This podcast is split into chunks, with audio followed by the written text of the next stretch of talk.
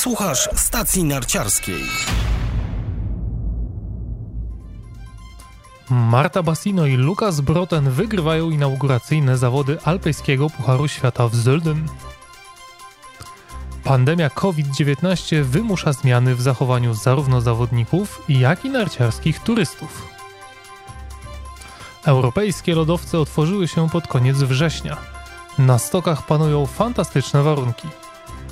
Michał Szypliński, zapraszam na ski serwis informacyjny. I uwaga, 3, 2, 1, jazda! Marta Bassino i Lukas Broten zwyciężyli w pierwszych zawodach alpejskiego Pucharu Świata, które odbyły się tradycyjnie na lodowcu Rettenbach w austriackim Zölden. Doskonałą formę zaprezentowała druga z Włoszek, Federica Brignone. Najlepsza zawodniczka ubiegłego sezonu stanęła na drugim stopniu podium. Trzecia była Słowaczka Petra Wlchowa, która przespała nieco pierwszy przejazd, ale w drugim pokazała niesamowitą moc.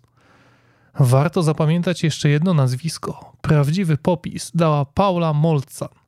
Amerykanka wykręciła czwarty czas drugiego przejazdu i awansowała z 17 na 10 miejsce. Sukces Brotena z jednej strony uznać można za niespodziankę, z drugiej jednak w zeszłym sezonie młody Norweg kilkukrotnie plasował się w czołówce stawki. Fantastycznie spisali się Szwajcarzy, którzy podobnie jak w zeszłym sezonie są w niezłym gazie. Drugie miejsce zajął Marco Odermatt, a trzecie Gino Kawiecer. Na inauguracji zabrakło głównej faworytki do walki o kryształową kulę. Mikaela Schifrin musiała zrezygnować ze startu ze względu na kontuzję pleców, której nabawiła się podczas przedsezonowych treningów. Amerykanka zapewnia, że dolegliwości nie są poważne i powinniśmy zobaczyć ją wkrótce w zawodach Alpejskiego Pucharu Świata.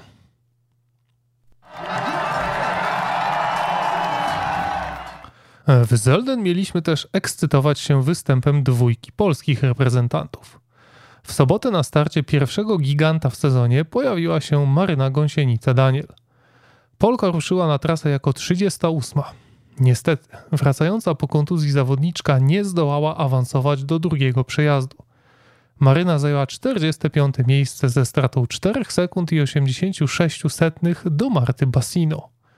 By znaleźć się w czołowej 30, trzeba było pokonać trasę o niemal sekundę szybciej. O występie naszej reprezentantki opowiada trener Marcin Orłowski.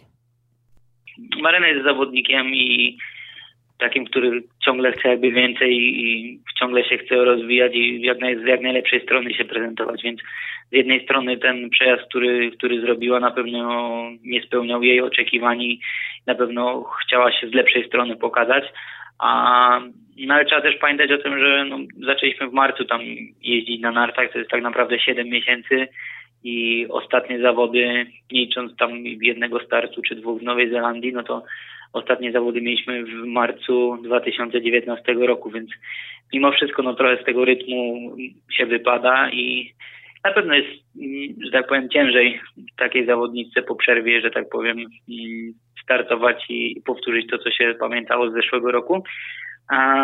Ale pozytywne jest to, że można śmiało powiedzieć, że, że tym Zeldem zamknęliśmy cały, cały etap kontuzji, powrotu rehabilitacji, powrotu na śnieg i powrotu do ścigania się, bo w końcu nam się udało, że tak powiem, wrócić nie tylko do treningów, ale do ścigania się i wynik e, jest jaki jest, ale myślę, że mimo wszystko pozytywny dzień dla nas. No, kolejny krok do przodu i, i pewne rzeczy możemy już zostawić zupełnie za sobą i na tym dość trudnym rodowym stoku się okazało, że, że nogi działają, wszystko działa, więc można dalej myśleć już tylko o ściganiu się i o trenowaniu, a, a pewien rozdział zamknąć. No. Szansy na start nie dostał za to Michał Jasiczek. Media rozpisywały się o planowanym występie Polaka na lodowcu Rettenbach, jednak kwestie formalne zaważyły o tym, że jego udział ograniczył się do roli widza.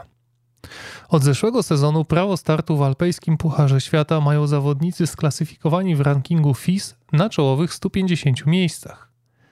Na opublikowanej 13 października liście Jasiczka zabrakło w tym gronie. Polak spadł w klasyfikacji giganta ze 150 na 153 miejsce i tym samym będzie musiał poprawić punkty, by mieć prawo ścigać się z najlepszymi.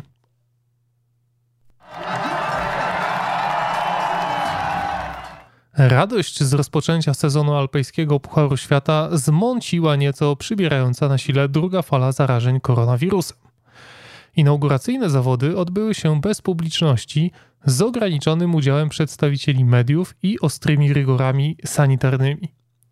Otwarcie w Zelden odbyło się tydzień wcześniej niż zawsze. Wszystko po to, by łatwiej wydzielić potrzebny fragment lodowca wyłącznie na potrzeby organizacji Pucharu Świata. Taki obrót sprawy to również potężny cios dla branży turystycznej. Właściciele hoteli i lokali w Dolinie Ötztal podczas inauguracji sezonu zarabiali fortunę. Tym razem w Zelden było pusto i smutno. Jedynym pozytywnym aspektem braku publiczności jest fakt, że nie zobaczyliśmy w transmisji przygnębionych min 30 tysięcy austriackich kibiców. Przedstawiciele gospodarzy po abdykacji króla Marcela Hirschera są w głębokim odwrocie. Najlepszy z nich, Stefan Brennsteiner, uplasował się na 17 miejscu, a wśród kobiet Katarina Truppe była dopiero 15.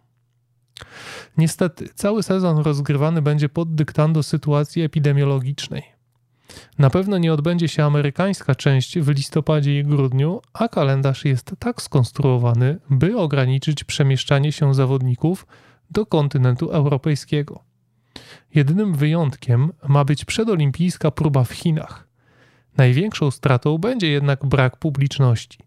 Organizatorzy dwóch największych klasyków, czyli zjazdów w Kitzbühel i Wengen, ogłosili, że zawody rozegrane zostaną przy pustych trybunach. Sytuację można określić tak. Panuje ogromna niepewność. O tym, co czeka Puchar Świata, ponownie opowiada trener Marcin Orłowski. Mieliśmy takie spotkanie później jeszcze po odprawie i, i było tak, że Peter Gerdol, czyli szef, szefostwo FIS-u i wszyscy w ogóle nie chcą rozmawiać na temat zawodów w grudniu.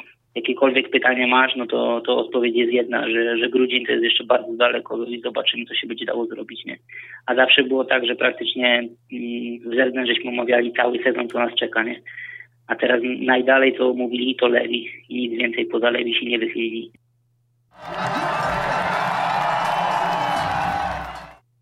Sezon rozpoczęli nie tylko zawodnicy ścigający się w Pucharze Świata. Pod koniec września europejskie lodowce otworzyły się na turystów. Październikowy opad śniegu sprawił, że obecnie na wszystkich lodowcowych stokach panują fenomenalne warunki. O tym, jak wygląda sytuacja w tyrolskich ośrodkach Kaunertal i Sztubaj, opowiada trenerka warszawskiego klubu narciarskiego Katarzyna Ostrowska.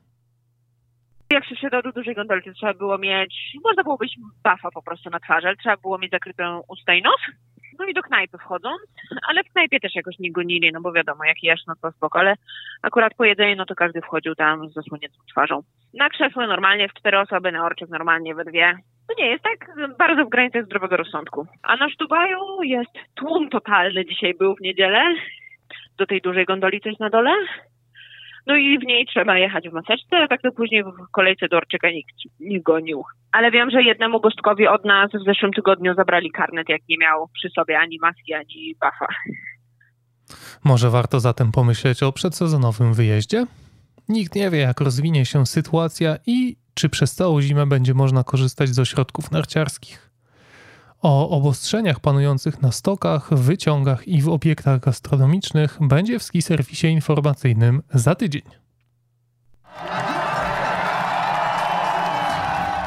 Na koniec informacja dla słuchaczy pamiętających sukcesy Alberto Tomby. Włoska Federacja Sportów Zimowych we współpracy z La Gazzetta dello Sport zorganizowała plebiscyt na najlepszego sportowca stulecia – pod uwagę brano lata 1920-2020.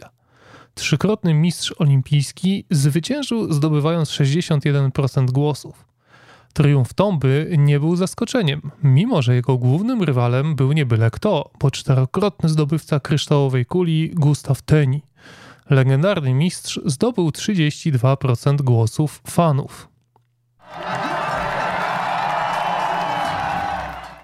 I to już wszystkie wiadomości w dzisiejszym ski serwisie informacyjnym. Przypominam, żeby kliknąć przycisk Obserwuj stację narciarską.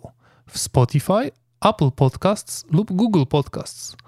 W najbliższy czwartek godzinna audycja, w której razem z Tomkiem Kurdzielem porozmawiamy o narciarskich hitach i trendach sprzętowych na sezon 2020-2021. Do usłyszenia!